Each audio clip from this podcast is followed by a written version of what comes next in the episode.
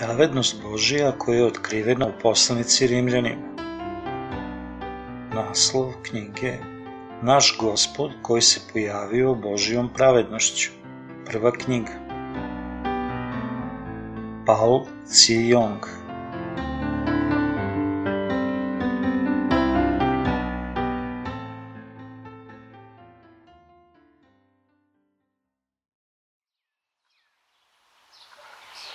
Poglavlje prvo, prvi deo. Uvod u poslanicu Rimljanima, poglavlje 1. Poslanicu Rimljanima od apostola Pavla možemo razmatrati kao riznicu Biblije.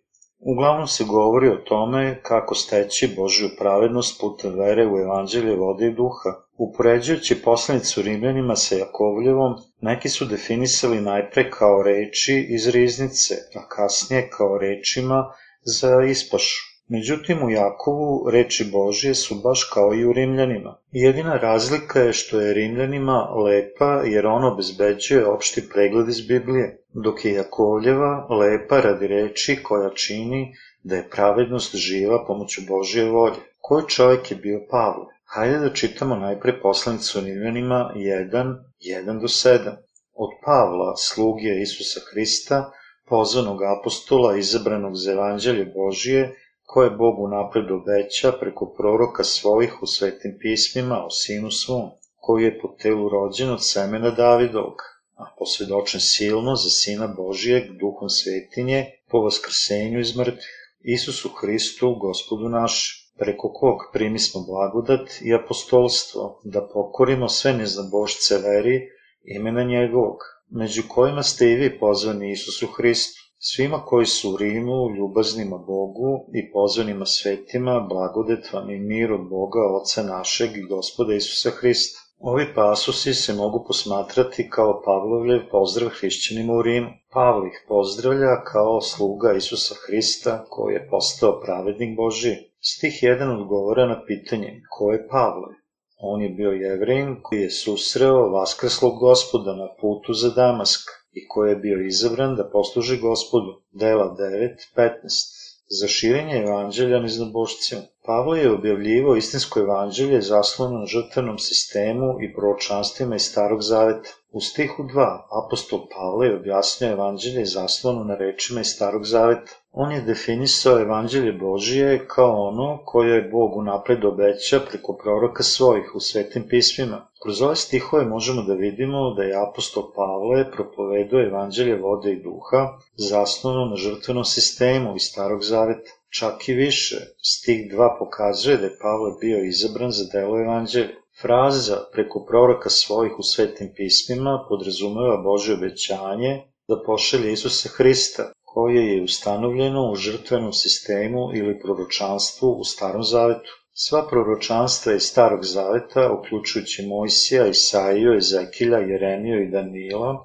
nose svedočanstvo za činjenicu da će Isus Hristos doći na ovaj svet i umreti na krstu nakon što oduzme grehe sa sveta. Koje evanđelje je predavao apostol Pavle? On je propovedao evanđelje vode i duha koje govori o Sinu Božijem, Isusu Hristu. Neki ljudi kažu da su reči Starog Zaveta već izvršene, a drugi drže do iste stvari, pružajući reči iz Mateja 11.13 kao dokaz. Neki veoma poznati evanđelisti čak ignorišu potpuno deo sa Starim Zavetom. Međutim, Bog je načinio obećanje za nas kroz Stari Zavet i On je ispunio svoje obećanje kroz Isusa Hristusa u Novom Zavetu. Stoga, u svetu vere, Novi Zavet ne može da postoji bez Starog Zaveta i na isti način reči Starog Zaveta ne mogu da se ispune bez reči iz Novog Zaveta. Apostol Pavle je bio izabran za Božje evanđelje. Onda pitanje je koju je vrstu evanđelja on propovedao. On je propovedao činjenicu da je Isus Hristus došao na ovaj svet i spasao nas od svih naših grehova kroz evanđelje vode i duha, zasnovano na starom zavetu. Stoga, kada mi propovedamo evanđelje vode i duha, Mi treba to da radimo zaslonom na proročanstvima i žrtvenom sistemu iz Starog Zaveta. Samo onda će ljudi doći do vere da je evanđelje vode duha istina i da je Novi Zavet ispunjenje rečiju obećanih u Starom Zavetu. Od početka Novog Zaveta mi možemo pronaći da je naglasak bio postavljen na krštenju Isusovom primljenom od Jovana i na njegovu krv na krstu. U isto vreme, suština iz Starog Zaveta bila je žrtveni sistem koji je bio put spašavanja za grešnike. On, ona, trebalo je da prenesu njegove njene grehe pomoću polaganja njegovih njenih ruku na glavu ponude za greh i pustio i krv do smrti da bi im gresi bili oprošteni. Onda, ako je bilo polaganja ruku i krvi od žrtvene životinje radi otpuštanja greha u Starom Zavetu, šta je bilo u Novom Zavetu? Tu je bilo primenje krštenja Isusovog i njegove krvi na krstu. Čak i više, visoki sveštenik, nagovešten u starom zavetu, u Levitima 16.21, bio je jednak Jovanu krstitelju u novom zavetu. Stihovi 3 i 4 govore u vezi pitanja kakva je osoba bio Isus?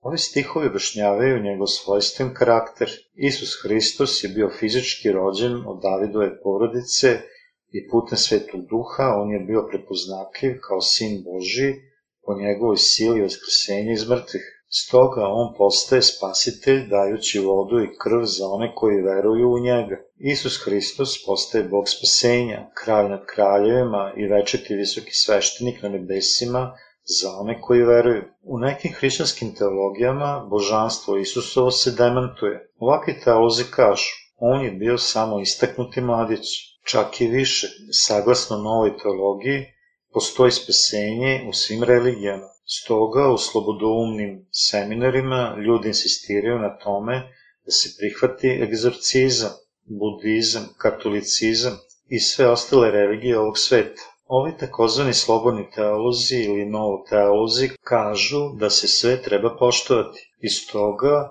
svo čovečanstvo treba da se ujedini i postane jedno. Međutim, u Bibliji je jasno rečeno da u početku Bog stvori nebesa i zemlju. Onda, ko je taj Bog? To je Isus Hristos.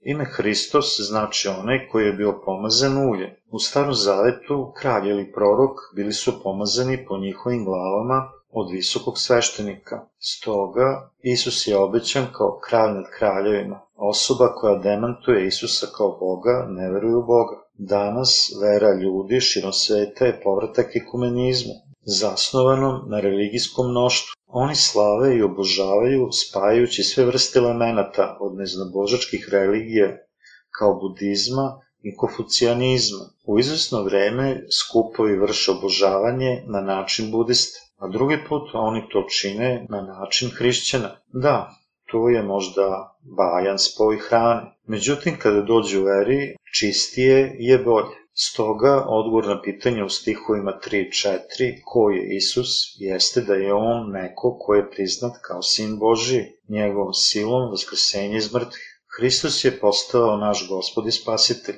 Stihovi 5 i 6 govore o tome kako je Pavle postao apostol, blagodareći Bogu. On je postao svedok u propovedi evanđelja paganima, tako da su oni mogli da prime spasenje verom u Isusa Hrista. Koju vrstu autoriteta je imao apostol Pavle? Kao što je zapisano u stihu 7, apostol Pavle je imao autoritet da blagoslovi u ime Božije one koje su verovali u Isusa. Autoritet apostola znači duhovnu moć kojom postajemo sposobni da blagoslovimo sve ljude pomoću imena Isusa Hrista. Stoga Pavle je mogao reći, blagodat vam i mir od Boga Oca našeg i Gospoda Isusa Hrista. Ovde ja bih rado da razmislim malo više u vezi ovog blagoslova. Ovde izgleda da apostol Pavle ima autoritet da načini blagoslov ljudima i kad god bi obavili službu nedeljom, mi bi završili sa blagoslovima. Božja želja je da izlije ovu vrstu blagoslova na svet. Originalne reči za blagosiljenje su kako to sledi. Hajde da krenemo sa knjigom brojevi.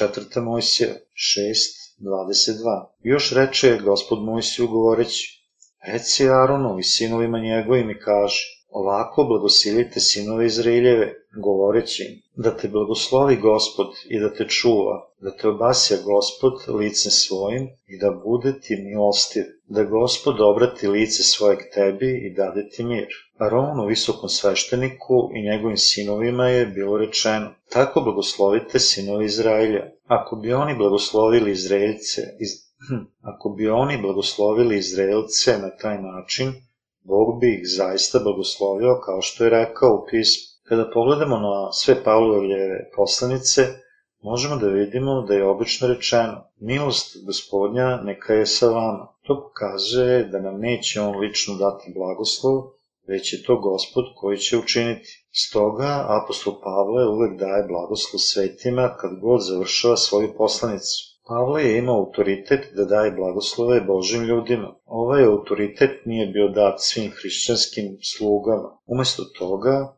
ovo je bilo dato samo Božim slugama. Kada Božje sluge blagosiljaju, govore pri tome tako da zaista žele da upute blagoslov. Bog zaista to potvrđuje dajući im svoj blagoslov. Bog daje nebeski autoritet ne samo svojim slugama, već takođe i svim nanovo rođenim svetima. Bog govori, kojima oprostite grehe, oprostit će im se, i kojima zadržite, zadržat će se. Jovan 20, 23. On daruje tu vrstu autoriteta svim pravednicima, stoga ni u kom slučaju se ne treba suprostaviti na novorođenim svetima ili njegovim slugama, jer to je isto što i suprostaviti se Bogu. Bog je darovao autoritet davanja blagoslova i proklestva podjednako svim svojim apostolima, isto kao i svojim slugama i pravednicima. Apostol Pavle je želeo da se svetima Apostol Pavle je želeo da se svetima dodali duhovni darovi. Hajde da čitamo Rimljanima 1,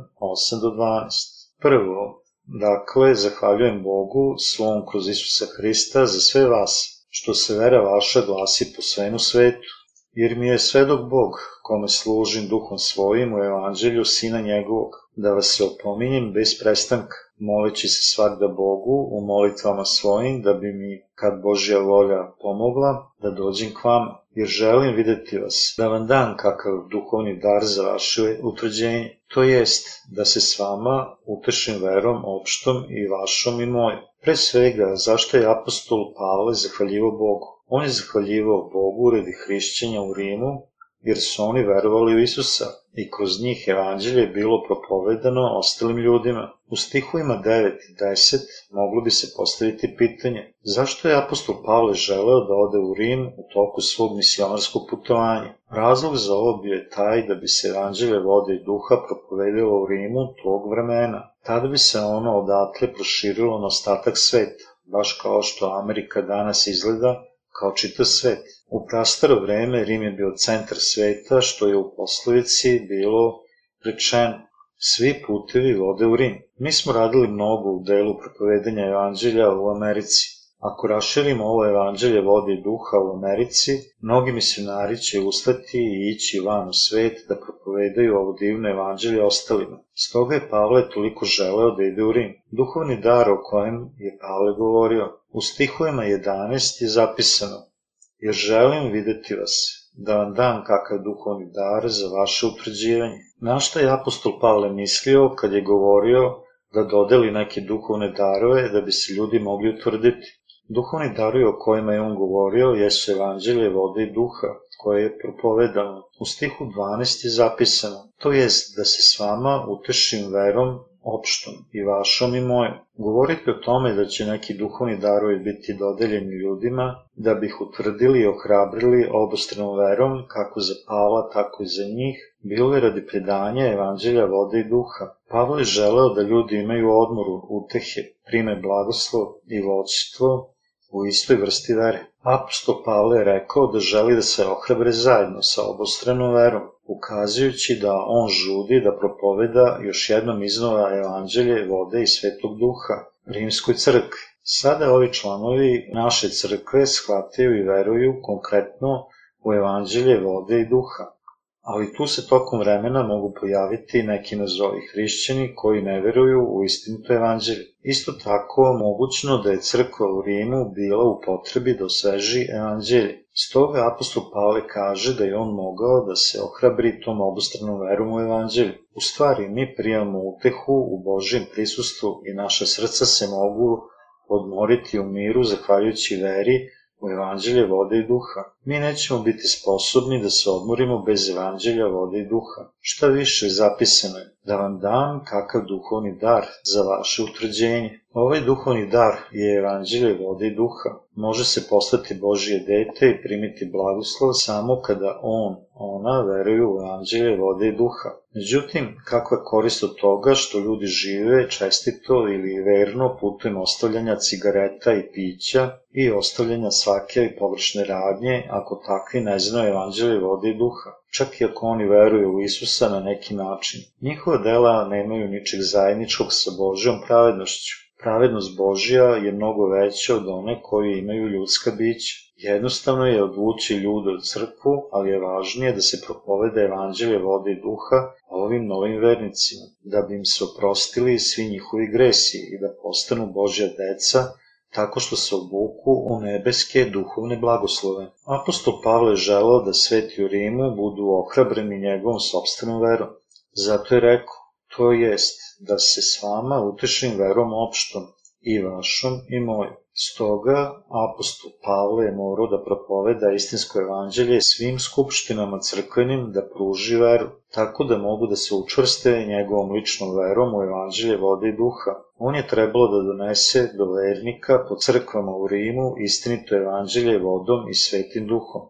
To je ono što je apostol Pavle učinio drugačije od ostalih evanđelista u tadašnjem svetu. U poslanici rimskoj crkvi Apostol Pavle rekao da želi da preda ljudima duhovni dar i da ih ohrabri obostrano veru, svojom i verom tih ljudi. Ovo je ono što svi propovednici u postojećim crkvama danas treba da nauče od apostola Pavla. Apostol Pavle je propovedao evanđelje vode i duha kojim se mogu razlikovati istinsko bratstvo od onog koje je lažno. Danas crkve puštaju da grupe novih učesnika primaju nauku učeći je u periodu od šest meseci i u toj godini oni na kraju dobiju krštenje. To je to. Oni se krste bez obzira da li znaju ili ne o evanđelju vode i duha, koje je ispunjeno Isusom. Drugim rečima, čak i ako ljudi postanu članovi crkve, oni nisu sposobni da postanu Božjom decom koja su pridobila njegovu pravednost. Sam predmet sveštenstva današnjeg hrišćanstva je da traže od svojih novih vernika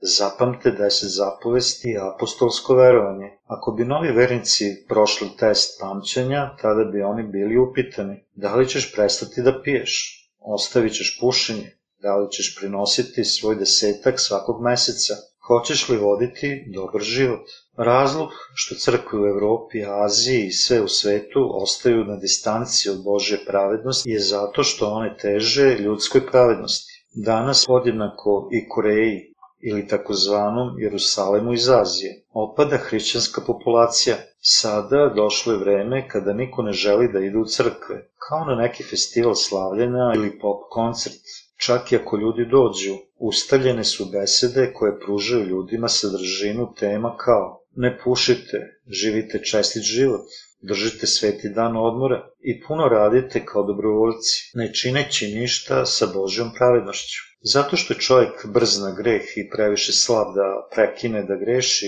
on, ona nemaju oslonac na gospodu. Stoga kada ljudi dođu u crkvu Božiju, mi treba da im uputimo evanđelje vode i duha, da bi oni mogli da pribave Božju pravednost. Za njih mi ćemo zaista preneti Božju pravednost koja kaže da smo ti i ja već oslobođeni od greha, iako smo mi dalje nesavršeni. Imajte to na umu.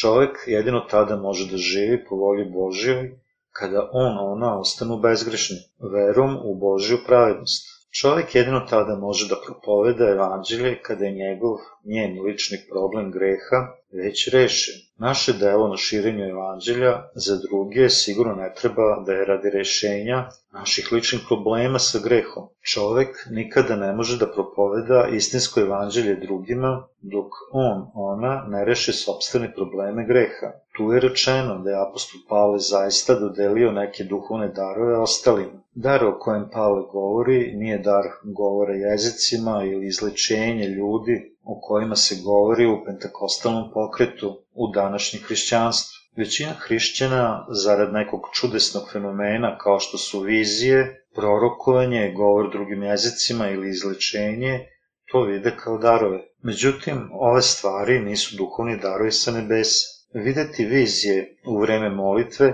ne znači da su duhovni dar. Podivljali čovek ili čovjek koji silazi sa uma, stoga što on, ona ne spava zbog čudnih zvukova koji se javljaju noću i ne znače duhovne darove.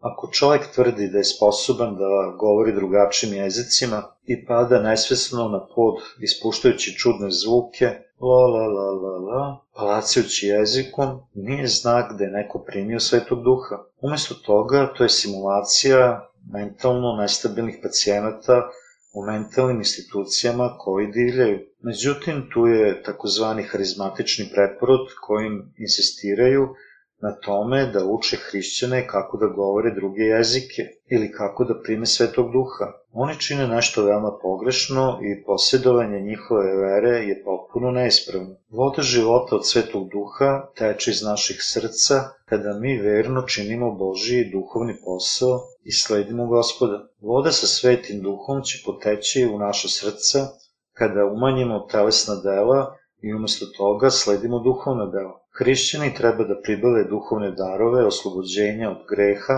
verom u evanđelje vode i duha. Neki kažu da su brojni hrišćani upravo sada naslovljeni za pakao kroz katedre današnjih crkve. Ovo ukazuje da današnje crkve hrabre ljudsku pravednost umesto da propovedaju Božiju pravednost. Braćo, čak i ako je neko nagomilao mnogo ljudske nepravednosti nakon posjećivanja crkvi, To ne znači da on, ona mogu primiti duhovni dar pomoću takvih dela. Mi ćemo uzeti Božju pravednost u naša srca pomoću vere u evanđelje vode i duha, tako da možemo dobiti duhovni dar.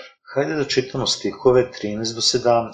Ali vam neću zatajiti, braćo, da sam mnogo puta hteo da vam dođem, pa bih zadržan dosle, da i među vama imam kakav plod, kao i među ostalim neznabošcima. Dužan sam i Grcima, i divljacima, i mudrima, i nerazumnima. Zato od moje strane gotov sam i vama u Rimu propovedati evanđelje. Ja se ne stidim evanđelja Hristovog, jer je sila Božja na spasenje svakome koji veruje, a najpre jevrejinu i Grku, jer se u njemu javlja pravda Božja iz vere u veru, kao što je napisano, pravednik će od vere žive biti. Apostol Pavle želo da ide u Rim, Međutim, on to nije mogao jer je bio sprečen. Stoga, on je morao da se moli da se vrata za njegovo misionarsko delo otvore. Poput toga, mi treba da uputimo istu vrstu molitve u želji da propovedamo evanđelje širom sveta kroz svešteničku literaturu. Samo kada se molimo, Bože srce će se pokrenuti i samo kada Bog otvori vrata i put za nas, bit ćemo sposobni da predamo evanđelje vode i duha širom sveta. Pavle koji je bio zadužen za sve ljude. Za koga je apostol Pavle rekao da ima zaduženja i na koju vrstu zaduženja je on mislio u stihovima 14 i 15. On je rekao da je postao dužnik i Grka i divljaka i da im duguje propoved evanđelja vode i duha. On dodaje da je zadužen i za mudre i lude. Stoga on je želao da propovede evanđelje za te ljude u Rimu najbolje što može. Stoga namera apostola Pavla je bila da piše crkvi da bi uputio istinsko evanđelje. On je utemeljio čak i srca naroda unutar crkve u Rimu. Evanđelje vode i duha nije stojalo čvrsto u veri. Stoga on je svedočio za evanđelje kao duhovni dar. Stoga on propoveda evanđelje vode duha čak i onima koji su bili unutar crkve, podjednako kao i onima u svetu. On je rekao da je bio obavezan za mudre, lude, Grke i sve varvare, kojom vrstom obaveze je Pavle bio obavezan. On je bio obavezan dužnošću da propovede evanđelje vode i svetog duha za sve ljude u svetu. On je insistirao da preda svu svoju obavezu na ljude u svetu. Isto tako, podjednako i danas, ljudi koji imaju evanđelje vode i duha, dužni su da prenose evanđelje. Njihova dužnost je da podmire delo širenja evanđelja. Ovo je razlog zašto mi moramo da širimo evanđelje vode i duha čitavom svetu i u ovo vreme. Ljudi pogrešno misle da je samo krv sa krsta svo spasenje. Međutim, rajsko evanđelje Biblije donosi svedočanstvo da je evanđelje vode i duha ono koje je apostol Pavle svedočio takođe. Stoga u Rimljanima poglavlje 6 Pavle je rekao da je bio kršten u Hristosa Isusa, a takođe i u njegovu smrt, zato što su brojni hrišćani u crkvi u Rimu verovali samo u krv na krstu. Pavle je želeo da im preda skrivenu tajnu primanja krštenja Isusovog. Upravo tako mi treba da propovedamo evanđelje vode i duha onima koji nisu bili u mogućnosti da je čuju, premda su oni bili dugo unutar crkve. Kada su hrišćani bili upitani da li posjeduju greh ili ne, oni su razmišljali o tom pitanju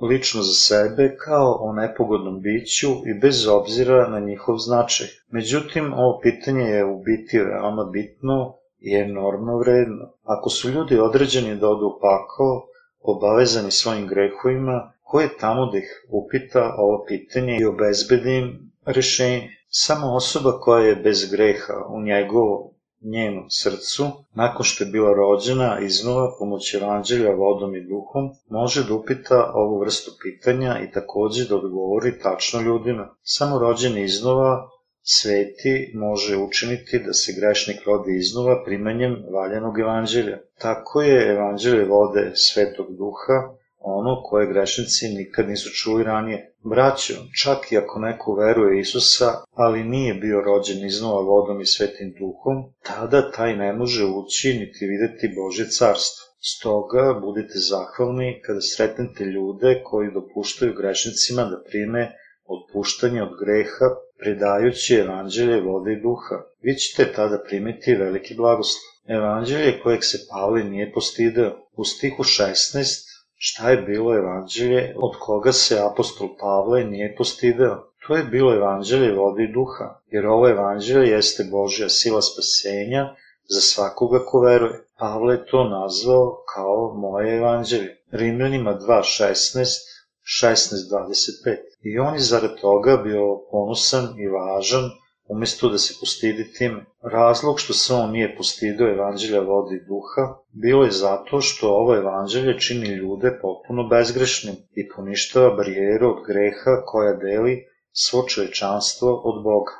Da li je moguće pranje od greha ako ljudi veruju samo u evanđelje krvi na krstu? Takvom vrstom vere je na izgled moguće oprati grehe učinjene do sada, ali je nemoguće očistiti naš budući greh. Stoga, ljudi sa ovakvom vrstom vere pokušavaju da operu svoje grehe, izgovarajući molitve pokajanja svakodnevno. Oni ispoveduju da su njihova srca ispunjena samo sa grehovima i da su nepopravljivi grešnici. Ovi hrišćanski grešnici koji posjeduju greh ne mogu govoriti o evanđelju iskreno ostalima, jer evanđelje koje imaju nije više nego dobra vest za njih. Evanđelje je eugalion na grčkom, drugačije evanđelje koje je sa sposobnošću da raznese sve grehove u ovom svetu. Samo ispravno evanđelje je poput dinamita. To je ono istinsko evanđelje koje eliminiše sve grehe u ovom svetu. Stoga, osoba nalik Pavlu koja veruje evanđelje vode i duha nije se postideo evanđelja koje je sposobno da eliminiše greh. Danas svaki hrišćanin izgleda postiđen od propovedi evanđelja. Međutim, oni koji posjeduju Božju pravednost jesu ljudi koji su više počastovani i sjajni kada propovedaju evanđelje. Apostol Pavle nije imao čak ni malo stida dok je propovedao evanđelje. To je bilo zbog toga što evanđelje koje je on propovedao jeste bilo evanđelje vode i duha. To je bilo stoga što je ovo divno evanđelje bilo Božja sila za spasenje svakoga koji veruje. Ovo evanđelje je silno evanđelje koje dopušta svakome koga veruje on, ona, da dobije oprošte greh, bez obzira kome je upućeno, njemu, njoj, grehovi sveta su potpuno opremi. Bez obzira kome je upućeno, njemu, njoj. Grehovi sveta su potpuno oprani ako slušalac prima evanđelje svojim srcem. Međutim, evanđelje samo od krvi na krstu pruža nepotpuno evanđelje ljudima. Ono je, da kažemo, tu da ljudima govori da je eliminisan samo njihov izvorni greh. Iz toga njihovo dodatno sagrešenje mora da bude oprano izgovaranjem dnevnih pokajničkih molitvi. Međutim, ovi ljudi i dalje ostaju sa iskustvom greha. Da li je Isus odnao samo deo ukupnog greha, jer njegova moć nije bila dovoljna? Obzirom da Isus zna ljude tako dobro, on nije ostavio za sobom ni jednu vrstu greha. On je ponao sa sobom sve grehe sa vodom, krvlju i svetim duhom. Ja verujem da ovo divno evanđelje daje potpuno spasenje od greha svakome ko čuje i veruje u evanđelje Isusovog krštenja i njegovo krvarenje na krstu. Stoga, evanđelje ima jednaku moć za svakoga, uključujući jevreje i grke. Evanđelje vode i duha dopuštaju podinako spasenje od greha za svakoga ko poveruje u Isusa dok mu se propovede evanđelje. Drugačije, kada neko preda nešto što nije evanđelje vode i duha, on, ona će primiti gnev Boži. Stoga je Pavle rekao, ali ako mi ili anđel s neba javi vam evanđelje drugačije nego što vam javismo, proklet da bude. Galatima 1.8 Apostol Pavle je jasno rekao da postoji samo evanđelje vode i duha koje je istinitije od svakog drugog evanđelja. Zavisno od toga da li je neko neznabožac ili jevrin, ili da li neko veruje u islam, konfucijanizam, budizam, taoizam, boga sunca ili bilo šta drugo. Svaka osoba ima šansu da čuje evanđelje. Šta više, ovo evanđelje vode i svetog duha pruža šansu za dobijanje spasenja od svih vaših grehova. Stoga, mi treba da prihvatimo da je Isus Hristos Bog, da je On stvorio univerzum, da je došao na ovaj svet u ljudskom telu, da nas spase, da je On odnao sve naše grehe krštenjem od Jovana i da je On primio osudu za naše grehe umrevši na krstu. Stoga, apostol Pavle se nije postidio evanđeljem vode i duha. Iako evanđelje samo krsta jeste za stid, evanđelje vode i duha ne može da postidi ni o čemu, već je ispravno i moćno evanđelje obilato sa dikom i počešću. Svako ko veruje u ovo evanđelje prima izobilje svetog duha verom u činjenicu da on, ona postaju deca Božija. Iznova vam kažem da divno evanđelje vode i svetog duha nikada ne može da bude ono evanđelje koje će postideti. Međutim, evanđelje koje veruje samo u krv na krstu jeste za stid. Hrišćani, da li se stidite uvek kada propovedate evanđelje zasnovano samo na krvi sa krsta? Osetit ćete stid kada predajete i verujete samo evanđelje krvi, koje ne sadrži Isusovo krštenje. Zato što ste se postidali da propovedate ovu vrstu evanđelja, vi ćete uvek morati da kukate gospodu ili upućujete fanatične molitve na stranim jezicima, da biste zadovoljili vaše osjećaje pre nego što iziđete na ulicu da bi uzvikivali verujte u Isusa, verujte u Isusa. Tako nešto može da se čini samo sa poplavom osjećanja, ali nikad to neće moći da učinite sa trezvenim umom. Zbog toga, oni koji veruju samo u krv na krstu, uzvikuju zbrkano i prouzrokuju nemir, kada god najđu na ulicu radi evangelizacije. Iako imaju megafon, zatvorena su im usta, oni mogu samo da uzvikuju reči Isus za nebo, nevera za pakao. Međutim, vernik u evanđelje vode i duha pruža evanđelje po veoma finom trendu. Otvara svoju Bibliju, pije čaj i razgovara sa drugima. Šta je rečeno o evanđelju Božje pravednosti? U stihu 17 šta je rečeno da će biti otkriveno u evanđelju Hristu? Tu se govori da je pravednost Božija otkrivena u evanđelju Božijem. Božija pravednost je potpuno otkrivena u istinitom evanđelju Božijem. Stoga, tu je rečeno da se Božja pravednost otkriva iz vere u veru i da treba živeti samo po veri. Evanđelje koje predaje samo krv sa krsta ne sadrži Božju pravednost. Braćo, da li je ovde rečeno da se upućuju molitve sa pokajanjem svakodnevno za njegove, njene grehe u toku dana, kako su on, ona već dobili oproštaj za njegove, njene grehe i da se može postepeno posvetiti do eventualno savršeno pravedne osobe, te da ova vrsta vere sadrži Božju pravednost. Ovo nije nešto u čemu je Božja pravednost otkrivena. Ono što otkriva Božju pravednost govori o savršenim stvarima. Evanđelje vode i svetog duha govori o savršenom evanđelju od početka do kraja. Ti ljudi se obično svakodnevno mole jer čine grehe svakodnevno kao da morate da pravite novu pregaču od smokenog lišća da bi svakodnevno prekrili stranu svoje sramote, ili možda nedeljno ili mesečno. Osoba iznova postaje grešnik, izgovarajući svakodnevno pokajničke molitve, koje su kao prikrivanje sobstveno njegovog njenog osramoćenog tela sa smokvinim listovima. Tako je stanje pobožnosti života onih koji veruju u evanđelje jedino krvi na krstu. Oni su oni luckasti koji ne žele da nose kožnu odeću koju su dobili od Boga, već umesto toga uživaju da nose pregaču od smokvinih listova. Isusova krv na krstu je bila rezultat Isusovog krštenja i to nije bila prolivena krv na krstu kojom je Isus mogao da odnese naše grehe. On je odneo naše grehe u trenutku kad se on krštava, a tek potom dolazi do krsta, noseći sve grehe sa sveta, i umere da bi okajao grehe sa sveta. Stoga krst je bio rezultat krštenja koje je on primio. Od Isusa na vamo odneti su naši gresi kroz njegovo krštenje. Prolivanje krvi na krstu bilo je njegovo završno delo kajanja svih naših greha. Isus je primio svu kaznu za grehe na krstu, jer je on primio krštenje. Onda kako mi možemo da pribavimo Božju pravednost? Mi možemo da postignemo to tako što znamo i verujemo u evanđelje vode i duha. Sigurno ćete me pitati, da li onda vi verujete u evanđelje vode i duha? Onda ja mogu odgovoriti kratko i jasno da na ovo pitanje. Tajna pribavljanja Božije pravednosti je radi verovanja u evanđelje vode i duha. Razlog za ovo je taj što evanđelje vode i duha jeste istinito i zato što otkriva Božju ljubav i njegovu pravednost. To je sve zato što evanđelje vode i duha sadrži oslobođenje od greha koji je Bog dao čovečanstvu na dar. Način da se postane njegovo dete, blagoslov od večnog života, kojim se može primiti sveti duh, i fizički i duhovni blagoslov na zemlji. Apostol Pavle je rekao da je Božja pravednost potpuno otkrivena u evanđelju vode i duha koje je on propovedao. Stoga, uspostavljanje ljudske pravednosti bez znanja o Božoj pravednosti jeste nalik sagrešenju pred Bogom.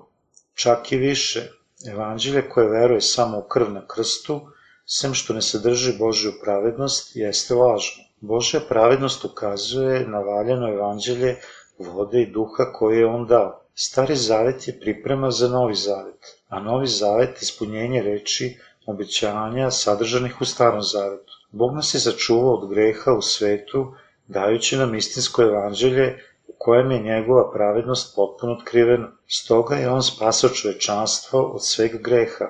Baš sada, čita svet treba da se vrati evanđelju vode i duha. Jedino evanđelje koje spašava ljud od greha je izvorno evanđelje vode i duha.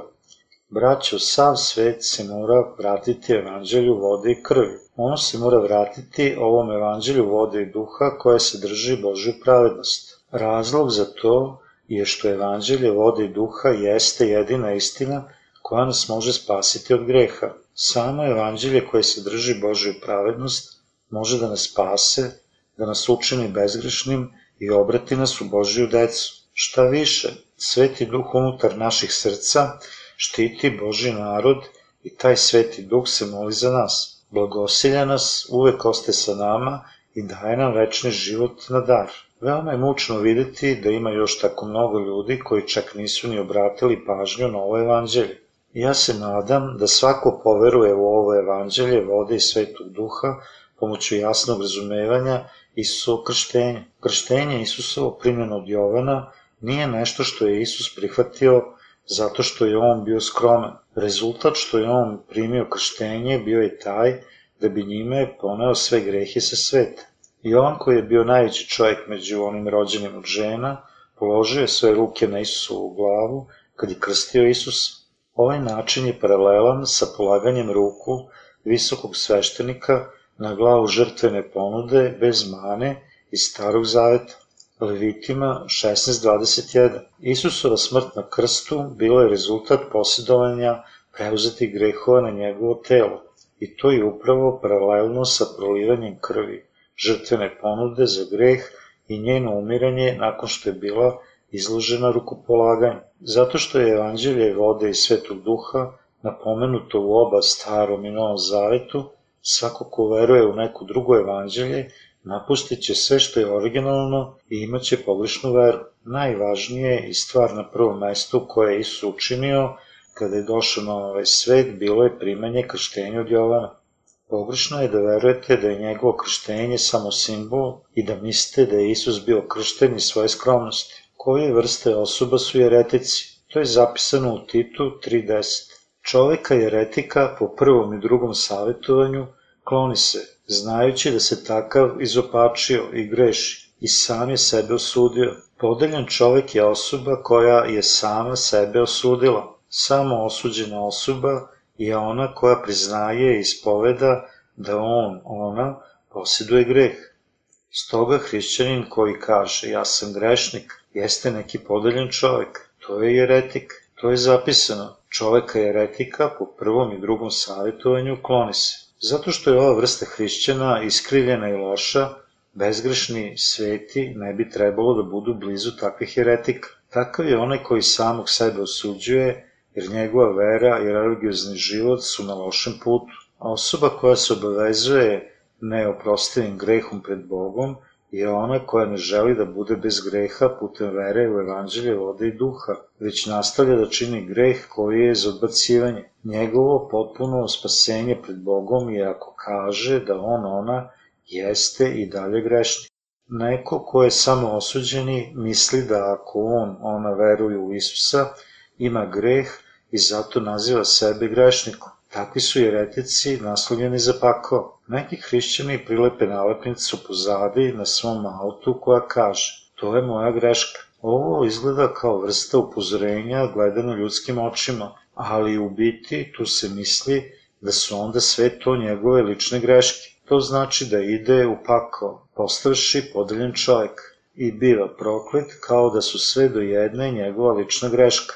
To je moja greška, Neobično je reći za onog koji živi čestit život. Međutim, reći da podržava ovakav slogan, on, ona koji misli da žive čestito, jeste direktan izazov Božim rečima koje definišu ljude kao zlobno seme. Oni koji plene za ovakvim ljudskim osobinama, eventualno nameravaju da prime svu vrstu prokledstva. Postoji li ikakva šansa za one ljude među vama koji su samo osuđeni? Tada treba još jednom iznova da saslušate pažljivo moje besede iz Rimljana poglavlje 3, gde stoji da oslobođenje od greha ne upućuje na nauku opravdanja. Poslanica Rimljanima detaljno govori o ovom. Apostol Pavle zna unapred šta će ljudi jednog dana reći i stoga govori unapred da bi postali bezgrešni i da bi postali istinski bez greha, što se ne zove samo pravedni grešnik.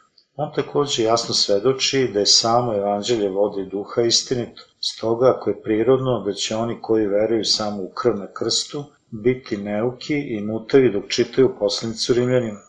Poslanica apostola Pavla Rimljanima je tako važno pismo, jer ono svedoči evanđelje vode i duha. Čovjek postaje pravednik nakon što poveruje u Isusa, premda su on, ona, bili izvorni grešnici, pre dolaska do vere. Čovjek postaje istinski pravedna osoba ako ne posjeduje greh u svom srcu. Tako neko može dobiti u imanje ispravnu vrstu vere. Ja smatram da iako je u ovom trenutku ispravna, ljudska vera nije potpuna. Njihova vera će eventualno biti obogaćena savršenstvom ako upotrebe uho za reči vode i duha kroz iznova rođene crkve. Molim, naučite više o evanđelju vode i duha kroz ove besede, i potvrdite reči istine. Ja verujem da će nas Bog obdariti sa bogatstvom nebeskih blagoslova.